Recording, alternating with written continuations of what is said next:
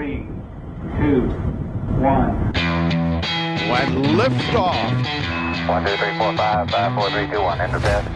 Okay, we checked all four systems, and there you go on modulation, all four, and keying with a go. Quality base here. The Eagle has landed. Velkommen til en ny episode av en litt rar versjon av Romkapsel her i din podkastavspillingsenhet. Uh, dette er en litt sånn uh, merkelig setting vi har her nå, Eirik. For vi er på en måte sendt opp i hver vår lille kapsel, nærmest som en sånn egen jetpack. Vi er jo det. altså Dette er jo sånn hva er det, rendezvous de heter. Når to rom, romkapsler møtes i rommet. Eh, både amerikanerne og sovjeterne gjorde jo mye av dette på 1960-tallet, så vi får se på det som en litt sånn retrogreie. Vi er i hver vår romkapsel for å beskytte oss selv. Og det som er litt gøy, da, er jo at på en veldig lite ekstrem måte, så, så, gjør jo vi litt det samme nå, Eirik, som astronauten gjør. Vi setter vår totale lit til teknologien, og sørger for at det funker, funker veldig bra. Det gjør vi jo. Det er for så vidt sant. Uh, og, og, det er jo noen som gjør dette helt på alvor, og det er jo astronautene oppe i romstasjonen. De er jo faktisk uh, ja, Noe særlig mer sosialt distansert går det jo ikke an å bli. Nei, nei, de skulle tatt seg ut hvis uh, det hadde begynt å spre seg med noe covid der oppe. Men uh, det vi må si, uh, Eirik, før vi går inn på liksom, dagens tema her i dag, det er hjertelig tusen takk til alle som har på en måte samlet seg, kringvernet seg rundt oss og vipset oss noen kroner. det er det selvfølgelig full anledning til å, å fortsette å gjøre. tusen takk til alle og en som har vipsa oss. Det er bare å gå inn på Vips og søke opp romkapsel der, så kan du bidra med noen kroner til produksjonen her og, og teknologien. Og også til de som har vært inne på sida vår og kjøpt T-skjorter. Det skal vi også si hjertelig tusen takk for. Ikke sant, Eirik? Ja, altså disse flotte T-skjortene våre. Jeg har jo brukt uh, T-skjorta mi nå i ukevis, og den er fremdeles den, den, tåler det meste. Opp til og inklusive virus, tydeligvis. Men, uh, men ja, uh, folk har kjøpt, og, og, lenke til butikken vår finner du jo på Facebook-siden vår og på romkapsel.no. Det var reklamen, men vi kan jo si da at i tillegg til at folk har støttet oss økonomisk, så fortsetter jo dere der ute å sende inn gode spørsmål og komme med gode innspill.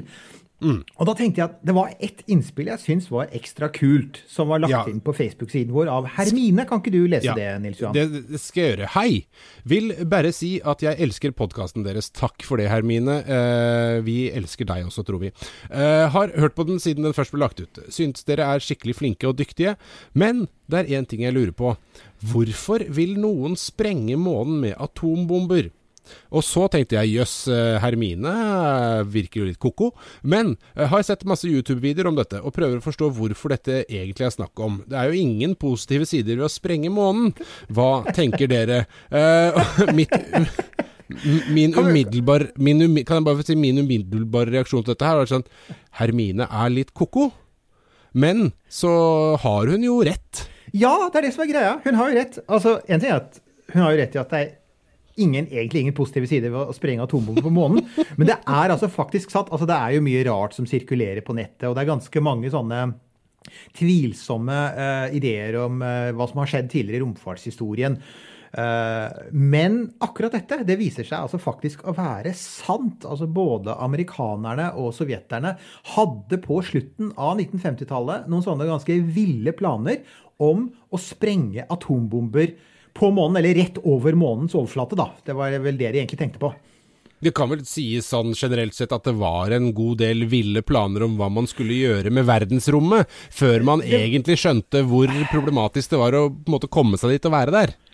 Helt sant. Og så var dette dessuten denne, husker, Dette var jo en sånn periode hvor man var veldig sånn optimistisk på atomteknologiens vegne. Det er jo, altså Vi snakker slutten av 50-tallet. Da har f.eks. Ford og det, det, kan dere google, de har altså en konseptbil som heter Ford Nucleon. Og ja, det er akkurat hva dere tror. Det er en bil hvor du følger med et kjernekraftverk som driver bilen. Så man hadde jo det. Man hadde ideer om kjernekraft. Å, Eirik, Eirik, Eirik, Eirik. Ja. Se, se for deg den EU-kontrollen på den bilen der. Det hadde vært et helvete. Og se for deg litt sånn glatt vinterdag, og så sklir du ut i grøfta, og så har du Tsjernobyl, ikke sant. Altså, det er jo Men altså, man, man var der. Man prøvde jo til og med å bygge fly med, med kjernekraft, eh, med atomreaktor om bord. Så, så liksom terskelen for å, å, ta i bruk atomtingene var, var mye lavere den gangen. Um, og vi vet at Amerikanerne hadde altså et helt konkret prosjekt. Det ble ikke kjent før på 90-tallet, dette her, men det var altså prosjektet A119. Og det var altså en idé om at for å på en måte komme sovjeterne i forkjøpet, så skulle de sende en rakett til månen, og så skulle de sprenge en sånn Hiroshima-klasse atombombe. Altså ikke den aller sterkeste, men heller ikke den svakeste. Eh, over den, over den, mørklagte delen av månen. altså Når det er halvmåne, så er liksom halve månen mørklagt. Sånn at man kunne se lysglimtet, for det var det som var poenget. Uh, Helt sant. Ja, men, men altså men altså, var det, det var egentlig bare snakk om da å lage fyrverkeri fra verdensrommet, liksom? Altså veldig, ja. veldig dyrt og veldig, veldig kraftig fyrverkeri? Altså, De inviterte jo noen forskere med på laget som prøvde å finne på noen liksom forskningsargumenter for å gjøre det, for å se om man kunne bruke det til å studere f.eks. Ja, virvle opp månestøv og studere månestøvet. og Merkelig nok, en av de som var med på det, var jo han der amerikanske astronomen Carl Sagan, vet du. Ja, som, han har vært hørt mye rart. Da han var student, så var han faktisk involvert i dette prosjektet. Og hele greia ble avslørt av at en fyr skulle skrive biografien om Carl Segen på 90-tallet.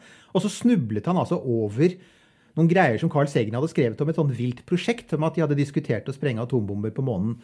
Men den viktigste grunnen til at man skulle gjøre det, det var rett og slett å demonstrere Ja, vise at man var tøffest nok en gang altså, så viser det seg at det er så mye sånn deilig sånn pisse på hydranten-politikk eh, mellom stormaktene yep. for å vise hvem som er sjefen i verdensrommet. Det er, det er så herlig barnslig. Herlig barnslig, og, og, dette var jo en periode hvor det var veldig mye av det også. Dette her var jo, uh, dette var jo i starten av romkappløpet Sovjeterne hadde jo på en måte allerede kommet best i gang, for de hadde sendt opp Sputnik og Laika, og amerikanerne lå litt etter, følte de. Så dette var jo da en måte for dem å, å ta igjen forspranget på. Dessuten så hadde de hørt rykter da om at sovjeterne også da hadde planer om å gjøre det samme. Eh, men så gjorde ikke sovjeterne det. Istedenfor så sendte de det første objektet til månen i 1959, som het Luna Luna 2 het den. Og det var en sånn liten metallball som spredde massevis av sånne små nærmest, så nærmest ut som sånn pins med det russiske, sovjetiske flagget på utover hele månen. Og da hadde de på en måte, som du sier ja, så hadde de, da hadde de på en måte vært liksom å pisse på hydranten. ikke sant? Vi, det, det, hadde ikke noe vitenskapelig verdi for så vidt. Det var bare sånn Vi var først, vi kom først. Og da innså amerikanerne at ja, det var kanskje ikke sånn innmari smart idé å sprenge en atombombe. Kanskje det var litt dårlig PR, rett og slett. Ja, altså, Men det er strålende. altså Der igjen så har du at storpolitikken eh, går på hvem er det som kan eh, gjøre noe militært. Eh, hvem er det som kan sprenge eller skyte et eller annet sted først. Det er liksom det viktigste. Det, det var jo, ikke sant? Og vi var jo litt der i den fasen også fordi altså, Det er jo ikke til å komme forbi at liksom hele romhistorien starter jo med et våpen. Og det er vel her det er på tide å nevne han vi alltid nevner, er det ikke det? Jo, eh, først som sist, eh, la oss bare si det, Werner von Braun. Og han hadde jo en del ganske sånne crazy planer om svære månebaser og greier. Han var, ikke sant, var akkurat det. Altså, han var, jo, han, han var, jo, på mange måter den som startet romalderen i, eh, i, eh, i, på 1940-tallet, da han bygde eh, V2-raketten for Hitler på Penemynde i Nord-Tyskland. Men han og de som jobbet sammen med han, var jo veldig opptatt av å, å ta dette videre og faktisk utvikle et romprogram. Så de satt jo, altså Mens bombene falt og de hørte russiske kanoner borti horisonten, russerne nærmet seg, så satt jo der og drodlet om som du sier, månebaser og romstasjoner og svære raketter som skulle sende astronauter langt av gårde. Det høres jo helt vilt ut, men de gjorde det. Og så overgir han seg til amerikanerne. Han tar med seg de beste forskerne sine og rømmer til amerikanerne, for han vil ikke bli tatt av russerne. Og da gir han dem disse planene. Så han skriver jo faktisk en sånn plan han, for hvordan man skal gjøre dette. Allerede i 1945 så sitter han der og så sier han det at f.eks. Å plassere atombomber på en rakett er en perfekt kombinasjon, men hvis dere har en romstasjon eller en månebase med atombomber, det er tingen. men og, da, og da, da, kan vi jo si det eh, som er litt viktig å få med her. Og man kan si eh, mye rart om eh, Werner Sieg von Braun, men at han hadde ideene klare, og at han var en visjonær, det er det ingen, ingen som helst tvil om. Det er litt ingen deilig å få sagt, sagt det. Jeg syns det er viktig å få sagt det, og det er ingen tvil om at, at disse, altså denne, denne, disse visjonene hans de sparker i gang dette mye tidligere enn det ellers ville ha skjedd. For jeg kom over her for ikke så lenge siden en, fra, fra 1948 så var det et amerikansk blad som publiserte igjen en sånn der fantastisk tegning av en tenkt månebase i fremtiden full av raketter og soldater. da. Men poenget er at det er 1948. Det er tre år etter krigen, så er de i gang med å snakke om dette her. Så ja, det er ingen tvil om at du fikk en Rakettstart. Ja, oh. oh, Dad den jokes. hadde du planlagt. Ja. Det er bra. det er krisetider, Men- det er tillatt. Men Ja, eh, det er sant det. Man får litt tørr og dårlig humor. Og, og det, men det forresten den T-skjorta har, har du vaska den, eller har du brukt den hele tida i mange uker på rad nå? Nei, den er blitt vaska litt innimellom. Den er jo det. Og den tåler altså eh, Der hvor jeg bor, så har vi sånn fellesvaskeri med sånne svære industrielle vaskemaskiner. Den, den, er, ja, den er bra, så, så eh, bare fortsett å kjøpe den, folkens. Og vi har fremdeles den fineste logoen av noen podkast i Norge.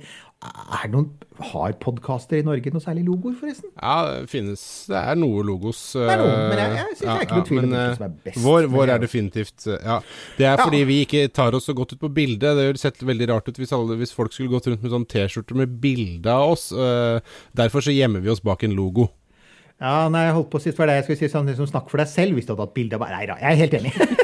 Men du, forresten, vi er, her må vi si en ting. Altså, det er jo, vi hadde jo en sånn der epic movie battle for en periode, for en stund siden.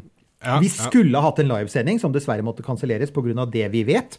Mm. Men det var jo midt oppi alt dette kommer plutselig på at vent nå litt, det er jo faktisk én eneste film der ute som har tatt dette på alvor, og det er jo Iron Sky. Har du sett den? Ja, på alvor, eh, Eirik. Det føler jeg er et riktig ord å bruke med den filmen. Eh, Ja. Ja, eh, nå skal jeg fortelle deg. Jeg har sett Iron Sky 1, og så har jeg også sett Iron Sky 2. Eh, Og er det kommet en toer?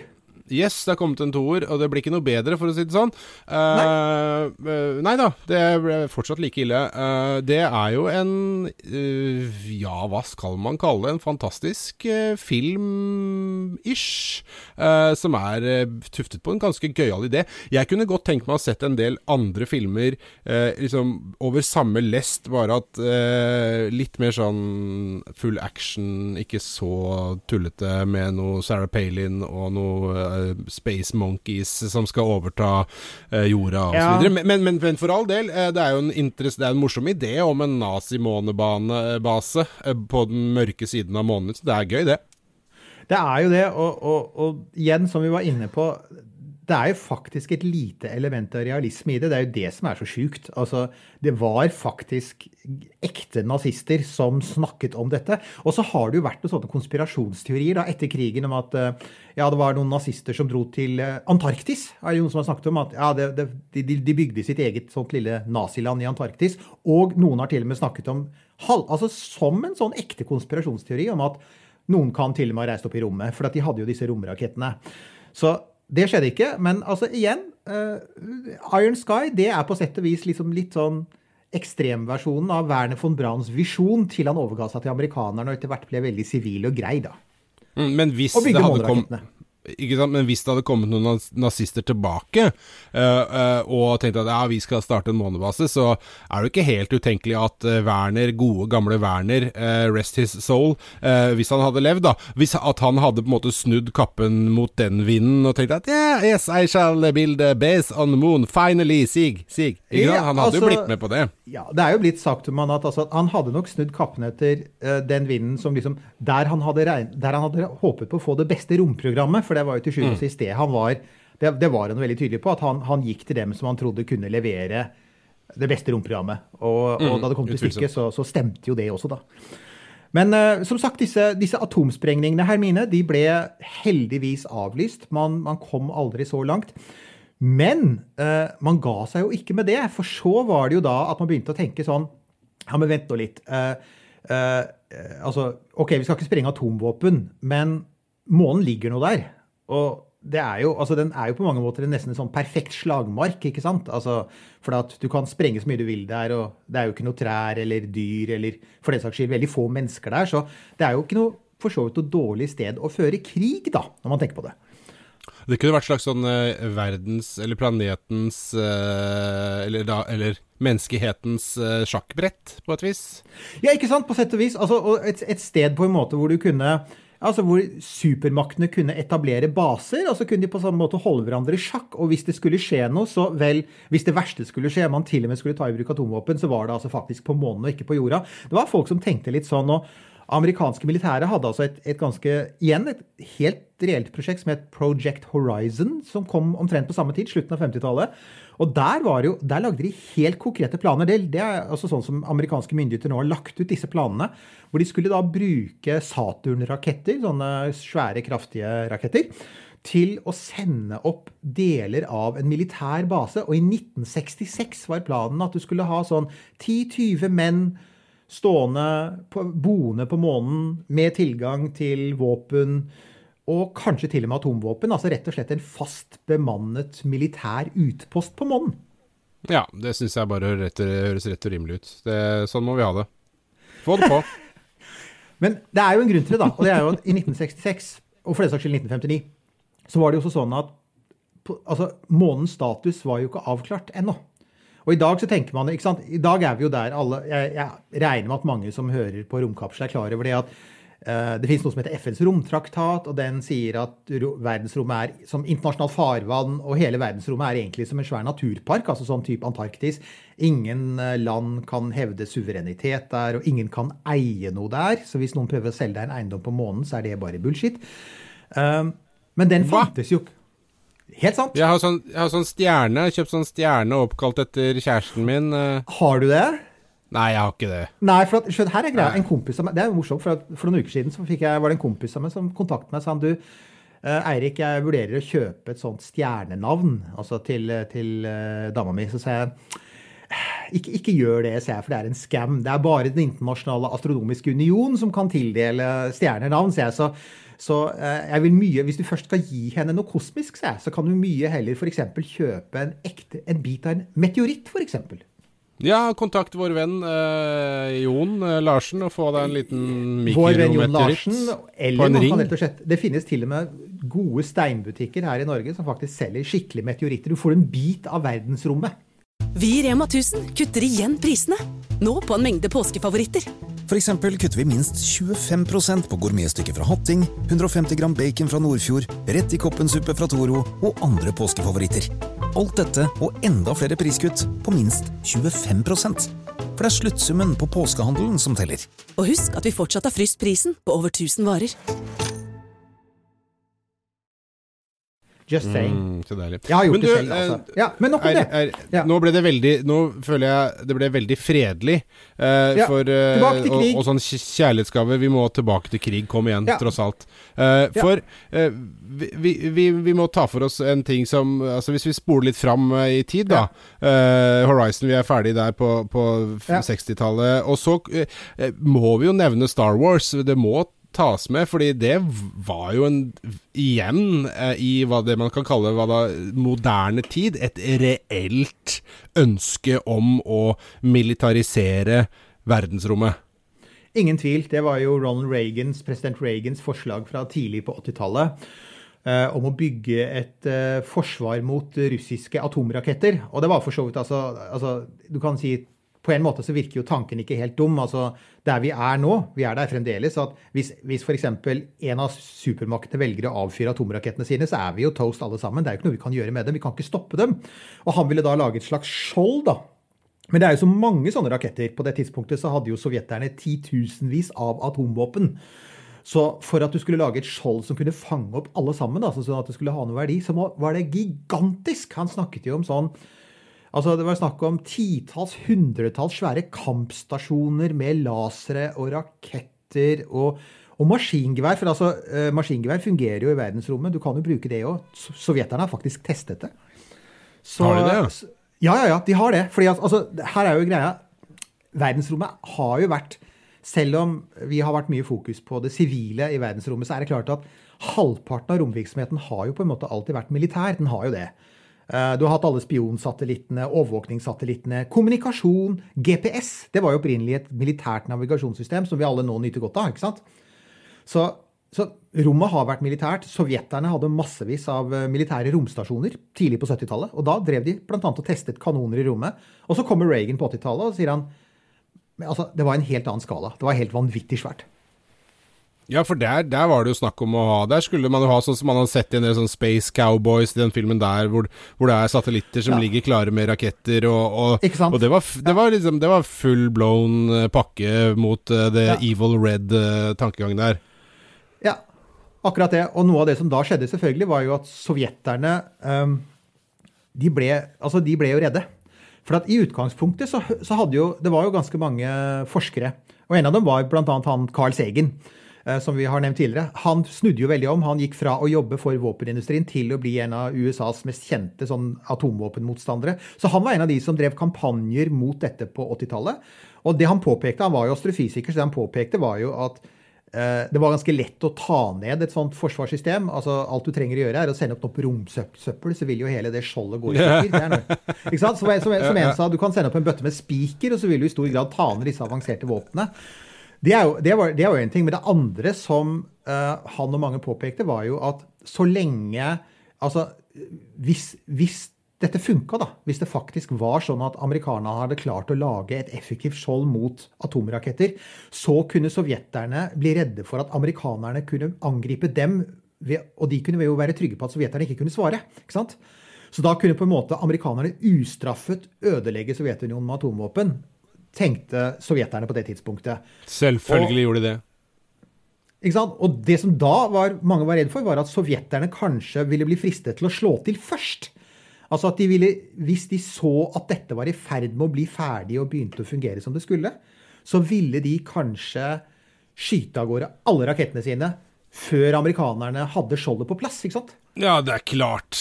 Man, preemptive strike, som det heter. Yes, preemptive strike. Og det er jo en av grunnene til at det tidlige 80-tallet Og jeg husker det, for jeg var jo der. Altså jeg, var jo, jeg er jo født i 64, så jeg husker dette veldig godt. Jeg var i slutten av tenåra da dette ble lansert. Og jeg husker vi snakket mye om det, vi som studerte da. Og jeg husker at jeg var vettskremt. For jeg var, altså akkurat den tanken om at tenk om sovjeterne nå liksom bare sånn OK, de trykker på knappen først fordi de vil, de vil ikke risikere at alle våpnene deres blir verdiløse, ikke sant? Mm, det er klart. Ah, heldigvis da, Men- så viste dette prosjektet seg å være totalt urealistisk. Ja, det var da enda godt. Men det, ja, ikke sant. Det er vel det alle ah. Jo, men det, er, men det er gøy å leke med tanken. Det er litt gøy å leke med tanken. Og det, var jo, altså det fikk jo noen konsekvenser på den andre siden. En ting var jo at sovjeterne jo da skyndte på med sitt romferjeprosjekt. For de hadde jo, sovjeterne hadde jo en romferje. Det har eksistert to romferjer, den amerikanske. Og så hadde du den sovjetiske som het Buran, som jeg tror betyr snøstorm. Uh, og Buran ble jo skutt opp med en rakett som het Energia, og, og sovjeterne hadde jo laget et de, altså Energia er jo den, den nest kraftigste løfteraketten som har eksistert noensinne, altså nest etter Saturn 5-måneraketten. Uh, og den ble brukt to ganger. Det ene var til å løfte opp den sovjetiske romferja, som helt klart hadde militært formål. Og det andre var for å løfte opp noe som ikke så veldig mange har hørt om. Og det var noe som het Poljoss. Og det er altså rett og slett en gigantisk kampstasjon. fordi at sovjeterne tenkte at ok, amerikanere skal bygge svære kampstasjoner i rommet, da skal vi også gjøre det. Og dette var, dette var det, den største og tyngste romstasjonen som var blitt løftet opp til da. Og så, russerne har ennå ikke sagt hva som var om bord, men amerikanske etterretningskilder mener jo at den kan ha hatt om bord test, altså testvåpen, maskinkanoner, raketter, lasere. altså Noe av det samme som Reagan snakket om å gjøre. ikke sant? Uh, og da var det altså, altså Tanken var jo altså at da ville amerikanerne rett over seg så ville de ha en svær sovjetisk kampstasjon full av våpen. Nei, det er uheldig. Uh, ja, for det var jo allerede anspent som det var, og de var jo allerede redde for at de skulle avfyre våpen i et sånn slags uh, førsteslag. Eh, og så, heldigvis, da, så, så sviktet Altså, selve bæreraketten, den funka, men Poljoss, da den skulle skyte seg selv opp i rommet, så snudde den seg selv 180 grader rundt, og raketten pekte feil vei, så den falt ned i Stillehavet og brant opp. Og gudskjelov for det. For det er Ja, ja. mange som sier at hvis den hadde havnet her oppe, jeg tror dette var 1987, så da var det fremdeles veldig spent. Og igjen, jeg tror ikke folk er klar over i dag, altså folk som er unge i dag, da, jeg tror ikke de er klar over hvor ille det faktisk var. Hvor nære på det var. Det var flere sånne nesten-starter på tredje verdenskrig på det tidspunktet. Uh, og, Ja, den, den, men den, den, den mest kjente av de, det må sies at den var jo hakket mer jordnær da enn en sånn romting. Altså det var jo uh, Cuba-krisen. Uh, og der var det jo Det var liksom båter og gamle frakteskuter og greier. Uh, Det, det er men- sant. Ja. Og den, og den var jo faktisk Men det, det er jo interessant, for Cuba-krisen i 1962, eh, i oktober 1962, den ble jo i stor grad utløst for så vidt av romprogrammet, fordi eh, man var jo klar over, og sovjeterne ikke minst, var veldig klar over at den eneste måten de kunne ramme USA på, fordi de lå så innmari, USA lå så langt unna, ikke sant, hadde et hav på hver side og sånn, det var jo å bygge interkontinentale raketter. Så de bygde jo den aller første interkontinentale raketten, den som, som, som faktisk Juri Yuri Gagarin ble skutt opp med. Det var jo egentlig opprinnelig militær rakett. Men problemet var at de rakettene var tungvint å sette opp, og de hadde veldig få av dem. Sånn at for å kunne liksom balansere ut amerikanske våpen, så ville sovjeterne sette opp kortrekkende raketter, og de satte dem opp på Cuba, og så fikk vi Cuba-krisen. Og, og, saken er at bare to-tre år seinere var alt dette uaktuelt, for da hadde sovjeterne de langtrekkende rakettene, og de trengte ikke egentlig å ha masse raketter på Cuba. Men akkurat da, i den der perioden der, i det lille vinduet der, så var det altså sånn at Werner von Brauns lille oppfinnelse holdt på å ta knekken på jorda. Det gjorde jo det, altså. Mm, ja, ikke sant. Det, uh, han har stått for så mye kos, han Werner. Det er godt å vite. Det skal vi ta med oss. Det er hyggelig. Ja, Men du, uh, Eirik. Én uh, ting. Tror du, som en Jeg vil kalle deg Jeg vil gå så langt som å kalle deg en ekspert. det bare hyggelig. tro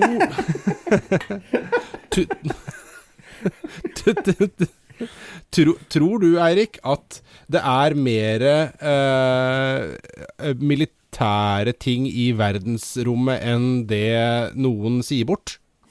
Ja, det tror jeg uten tvil det er. Altså, det finnes et stort militært rombudsjett i USA som vi vet veldig lite om. Uh, vi vet f.eks. at det, altså, romferjer har vi jo sluttet med. Det sa vi vel i forrige sending. Så sa vi at amerikanere har sluttet med romferjer. Det er jo ikke helt sant, for det fins jo en romferje en militær romferje som heter eh, Boeing X-37B, er den vel heter. Det er, altså det er, altså det amerikanske luftforsvaret som drifter en romferje. Den er riktignok ubemannet, så vidt vi vet. og den sendes opp med jevne mellomrom, er oppe i verdensrommet i lange tider. Og eh, det, vi vet jo ikke egentlig hva den gjør, for det er så innmari hemmelig.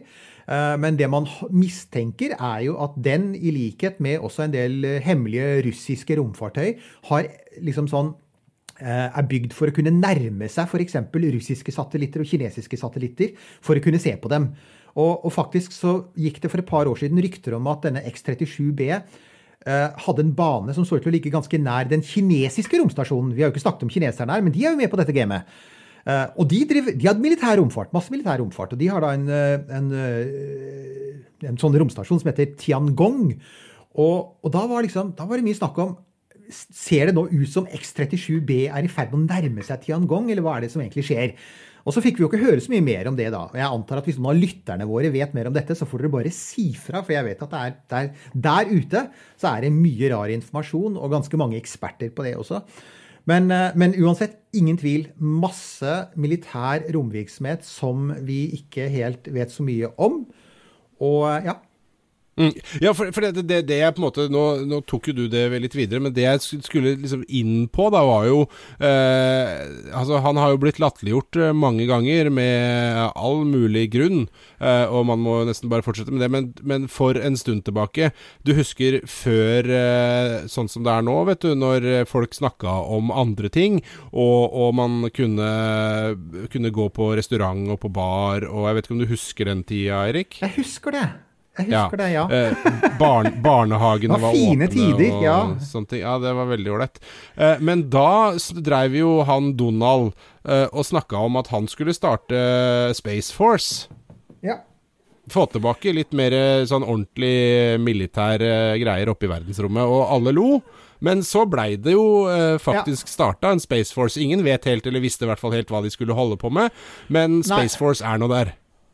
Ja da, og de har jo sendt sendte nylig opp faktisk sin første satellitt under liksom sånn flagget Space Force.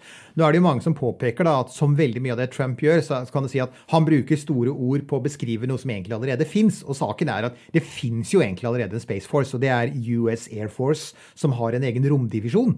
Uh, og det har jo faktisk, altså det har jo vært folk som har sagt jeg vet blant annet at Elon Musk har vært ute og sagt at han egentlig syns det er greit for at det blir ryddigere. Fordi det er, et, det er jo sånn samrøre mellom NASA og Luftforsvaret som F.eks. med romferja. Rom, romferja som var jo et sivilt prosjekt. Men spekkene til romferja, bl.a. det veldig store lasterommet på romferja, det ble jo definert av Luftforsvaret. Fordi at eh, det amerikanske luftforsvaret bl.a. ville ha eh, et lasterom som var stort nok til å frakte deres aller største spionsatellitter opp i rommet. Så, så um, det har alltid vært et samrøre der, og så har det ikke egentlig vært veldig klare grenser. Så noen mener at dette er en bra ting sånn sett, da, at ok, så får du en Space Force, og så er det helt tydelig at dette er militært. Men som andre påpeker, så høres det jo egentlig ut som man vil militarisere enda mer, da. Ja, ikke sant. Eh, Og, og ja, gudene veit hva han spytter ut uh, av seg. Men, men, men som du da, som den fremste eksperten i denne sendingen, eh, har slått fast, eh, så skjer det jo mer militært i verdensrommet enn det vi vet. Eh, Men for å da eh, liksom hente det hele tilbake til spørsmålet til Hermine, dette her med å sprenge månen eh, med atomraketter, eh, eller atombomber, eh, det er det ingen umiddelbare planer om. Det er ingen umiddelbare planer om å sprenge atomvåpen eh, på månen. Det er heller ingen men Man har også gått litt bort fra den der planen som en gang var om å sprenge atomvåpen mot asteroider som er i ferd med å treffe jorda. Eh, igjen, hvis man har sett ikke sant? ikke sant? Hvis man har sett sånn type Space Cowboys eh, Deep Impact er det. Deep Impact og, eh, ja, og Armageddon. Ja, ikke sant? Det var den, ja. de, de to filmene der har du dette konseptet med at du skal blæste asteroider og kometer. Eh, nå er man faktisk kommet dit at det kanskje ikke er en god idé. Man har funnet andre måter å gjøre det på. For det, rett og slett for man er usikker på om dette i det hele tatt vil funke. Og man risikerer jo kanskje bare å få en hel sverm av sånne radioaktive fragmenter hvis man, hvis man prøver å sprenge det. Men eh, så, så liksom hele ideen om å drive og, og, og sprenge ting i verdensrommet er blitt veldig veldig trappet ned. Det er det. Det er dessuten, det skal vi ikke glemme, da, altså denne FNs romtraktat som, som jo faktisk ordnet opp i dette på slutten av 60-tallet. Det er jo viktig å huske på at supermaktene tok tok jo til fornuften. Det er ikke lov til å ha militære månebaser lenger. Eh, Det var faktisk det i 1966, da Luftforsvaret i USA ville det. Det er ikke lenger lov til å ha masseødeleggelsesvåpen i rommet, sånn at du kan ikke ha atomvåpen i rommet i det hele tatt. Eh, og, og du har altså ikke lov til å si at f.eks. månen er USAs 51. stat, eller det er folkerepublikken Luna, eller noe sånt. Og det har du heller ikke lov til. Og det er jo bra, for da har du liksom trappet ned hele nivået. Men en ting som slår meg her nå, Eirik. Nå har vi, nå vi snakka om eh, rom, eh, rom, eh, romatomvåpen og, og atomkraft eh, og gudene veit av romraketter og bomber eh, atomtype. Eh, men det, det som slår meg da, er hvorfor lager man ikke romraketter, altså nyttige romraketter som er drevet av atomkraft. Og på den måten så hadde man jo sluppet hele dette her eh, problemet som er stadig tilbakevendende med hva, hvor skal vi gjøre av drivstoffet? Det er et innmari godt spørsmål. Eh, svaret er at eh, de rakettene de eksisterer allerede, men de er aldri tatt i bruk av politiske grunner. Og det har rett og slett, det har mye med dette å gjøre med at på, altså, omtrent samtidig med at vi landet på månen rundt 1970, så fullførte NASA et prosjekt som het Nerva, og det var altså en atomdrevet rakett. Eh, man hadde altså rett og slett en, en, sånn, en varm atomkjerne som det strømmet gass gjennom, og så fløy gassen veldig fort ut, og så fikk du en supereffektiv rakett. Eh, og, Nerva var dobbelt så effektiv som de mest effektive rakettene vi har i dag, de eh, kjemiske rakettene. Så den hadde vært helt fantastisk å fly til månen med, og ikke minst å fly til Mars med. Vi hadde kunnet frakte mye mer til Mars, vi hadde kunnet kommet oss fram mye fortere. Eh, og, men grunnen var jo at på 70-tallet så vokste jo skepsisen mot alt som hadde med atomkraft å gjøre. Det var Nei til atomkraftbevegelsen kom på den tiden. Eh, og det gjorde jo at eh, det til sjuende og sist ikke ble politisk mulig. Og til denne dag så er det jo sånn at det alltid er trøbbel når NASA skal sende opp et lite kjernekraftverk med en av romsondene sine. Så er det alltid bråk og protester fordi at det har noe med atomkraft å gjøre. Jeg skjønner nå at det tvinger seg fram eh, en, et besøk som vi bare må få på plass eh, av eh, den fremste atomkraft-eksperten i Norge. Vi må få på Sunniva Rose. Ja, eh, ingen tvil. Sunniva Rose skal med. Vi har, vi har en lang liste over eh, fine gjester som vi skal få inn i studio etter hvert. Som, eh, som ting eh, bedrer seg og, og ting normaliseres, helt klart. For øvrig, en ting, apropos når vi snakker om atombomber i rommet. Det mest spektakulære prosjektet der er jo faktisk Det er jo igjen fra slutten av 50-tallet, begynnelsen av 60-tallet. Og det heter Project Orion. Og igjen så går det an å, å google det. Og det er altså en, noen av USAs smarteste fysikere som satte seg ned og sa hvis vi skulle sende et virkelig stort romskip, ikke sånn, ikke sånn liten romkapsel, men et digert romskip på størrelse med et cruiseskip ut i verdensrommet, hvordan kunne vi gjøre det? Og så fant vi ut at jo, hvis du satte en svær plate bak romskipet, eller cruiseskipet, og smelte av masse atombomber, så ville kraften fra eksplosjonene drive det framover i enorm fart. Og det verste er at de testet dette med små ladninger, med kjemiske ladninger. Eh, altså vanlig dynamitt. da. Det, og det fins faktisk videoer der ute. På YouTube igjen så finnes det videoer av disse eksperimentene. Og det viser at jo da, det stemmer jo. altså Hvis du smeller av dynamitt under en metallplate, og så smeller du en til, og så smeller du en til, så vil den platen hoppe lenger og lenger opp i luften. Eh, og de hadde regnet på det, hadde kommet til at planen deres var å sende et kjempeskip med, med hundrevis av passasjerer til Saturn i 1970. Og det var Ja. Så det eneste altså, Og som da de som forsket på det, sa eh, det eneste problemet var at å få den raketten opp fra jorda ville føre til enorme utslipp av radioaktivt avfall, selvfølgelig, fordi du måtte bruke masse atombomber. Ja. Du måtte smelle av 800 atombomber eller sånt bare for å få den opp. ja. Og så kom FNs romtraktat som forbyr masseødeleggelsesvåpen i rommet, sånn at da forsvant hele den ideen. Men som mange har påpekt, da hvis du først, Vi har fremdeles veldig store atomarsenaler på jorda. Og jeg ser jo at hvis du først skulle bruke de atomvåpnene til noe fornuftig, da Altså rett og slett som du sier, bli kvitt svineriet. Få det ikke bare, ikke bare liksom sånn lagre det på jorda hvor noen kanskje kan ta det i bruken, men faktisk bli kvitt det så hadde det jo faktisk vært en tanke kanskje å bygge et sånt en. Altså, du kan jo ikke sende opp fra jorda. Du måtte kanskje bruke noe sånn der eh, Starship, sånn eh, Elon Musk-romskip, til å sende opp delene. Å, der fikk så- du lurt inn Elon Musk i den episoden også. Ja, Jo, jo, men- ja, ja, bra. Men vi må jo det, særlig disse dager hvor, hvor det ene Starshipet etter det andre eksploderer på plattformen. Han sliter veldig med å få dette her fantastiske romskipet til å lette. da. Det skulle jo ha fløyet for lenge siden. Men om de noensinne får det til, da, så hadde jo det vært en mulighet selvfølgelig å bygge et stort romskip i romba, eh, jordbane. Og så kunne du begynne å smelle av disse her atombombene langt unna jorda, hvor det egentlig er ganske trygt å gjøre det. Og så kunne man da fly til Saturn på sånn type eh, Ja, et, et halvt år, et år kanskje. For å legge det da til eh, lista over HMS-utfordringer med romreise, så er det også det at du skal sitte foran 800 000 atombomber, min gode mann. Eh, Ønsker du å være med på denne turen? Ja eller nei? Kryss her. Eh, Men eh, Men, men altså, det det egentlig bare forteller, da, er at, at igjen, når du ser disse her helt ville filmene, sånn igjen sånn type sånn, sånn Iron Sky eller er det Men in Black 3, hvor de også har et sånn fengsel på månen. Eh, altså Det høres helt vilt ut, men, men saken er, og det var jo det på en måte Hermine satte oss i sving med, var at hun, hun sa det er noe helt vilt der ute. Det, liksom, er det i det hele tatt mulig? Ja, det er poenget. Eh, I tillegg, altså, Det har vært helt konkrete science fiction-aktige prosjekter. Og, og, og felles for dem alle sammen, enten det var den der amerikanske militære månebasen, eller disse atomeksplosjonene, eller dette sinnssyke prosjektet med å sende et cruiseskip til Saturn det Fysisk sett er det mulig, er jo egentlig poenget. Det er mulig. Det er bare helt vilt uøkonomisk, livsfarlig, uansvarlig HMS-utfordringer. HMS-utfordringer. alt er mulig, bare man vil det nok. Eh, får vi vel nesten konkludere med, Eirik. Og kan jeg bare si en siste lille ting? Ja, ok. det Ja, en, altså Apropos det som Hermine var inne på. Det fins faktisk en TV-serie som bruker atomeksplosjoner på månen som utgangspunkt for serien. Det er allerede pilotepisoden. Og det var min favorittserie på 1970-tallet. Ja. Derfor måtte jeg bare nevne den. Ja, ok. Den heter Ja. Space ja, Space 1999 heter den. Space kolon 1999. Det er en engelsk science fiction-serie. Eh, og i pilotepisoden så er det et svært atomlager på månen som eksploderer, som eksploderer så kraftig at hele månen slynges ut av banen sin og flyr ut i universet.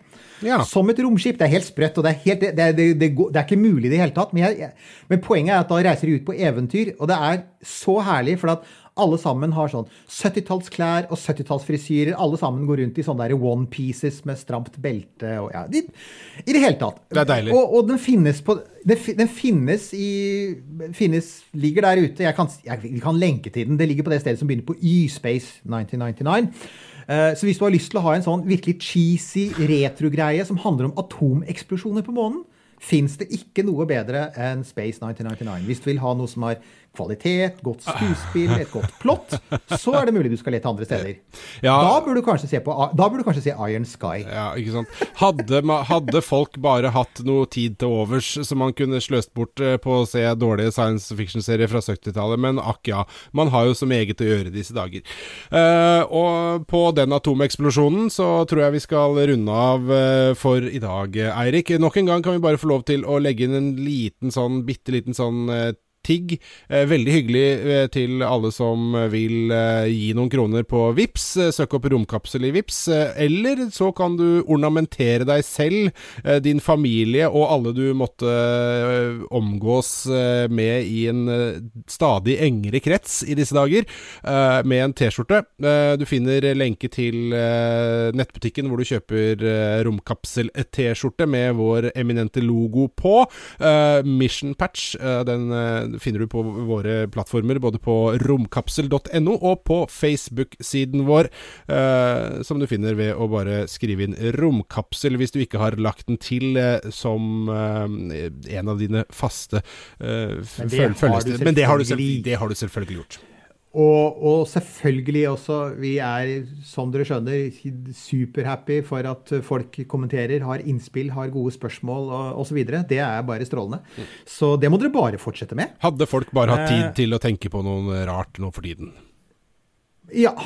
Jeg synes det, er, det er fint å snakke om verdensrommet i disse dager. Å snakke om noe annet enn det alle andre snakker om hele tiden, er helt flott, tenker jeg. Definitivt. Men da er det jo sånn da at eh, nå er jo Vi er i, altså, i hver vår romkapsel. Eh, jeg er ikke helt sikker på hvor du lander. Jeg håper jo fremdeles på å lande i Kasakhstan, selv om det jo da går raskt. Forhåpentligvis. Man snakker jo faktisk om at i løpet av denne våren så skal eh, så skal, Det blir vel antagelig SpaceX som skyter opp først. Skyter opp sin romkapsel. Den første amerikanske romkapselen som er skutt opp siden Apollo, skal sendes opp. De har snakket om i løpet av mai måned, kanskje. Vi får se. Eh, og da får jo vi også muligheten for et nytt transportmiddel. Vi gleder oss til det, å få myke seter med koppholdere, som har vært innom eh, tidligere, all den tid det er amerikanskbygd og ikke russisk funksjonalitet.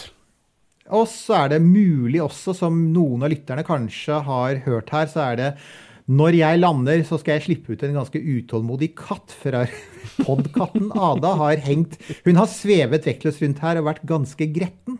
Så hvis, hvis det er noen som har hørt et mjau i ny og ne, så er det bare podkatten Ada. Men jeg lover, hun skal slippes ut i Kasakhstan så snart vi har landet. Da kan du gå tilbake og høre episoden om dyr i verdensrommet. Eh, det er fæle greier. Eh, Eirik, eh, la oss bare si det sånn at vi høres igjen neste gang, da. Det gjør vi. Denne Podkasten er produsert av Tid og. Lyst.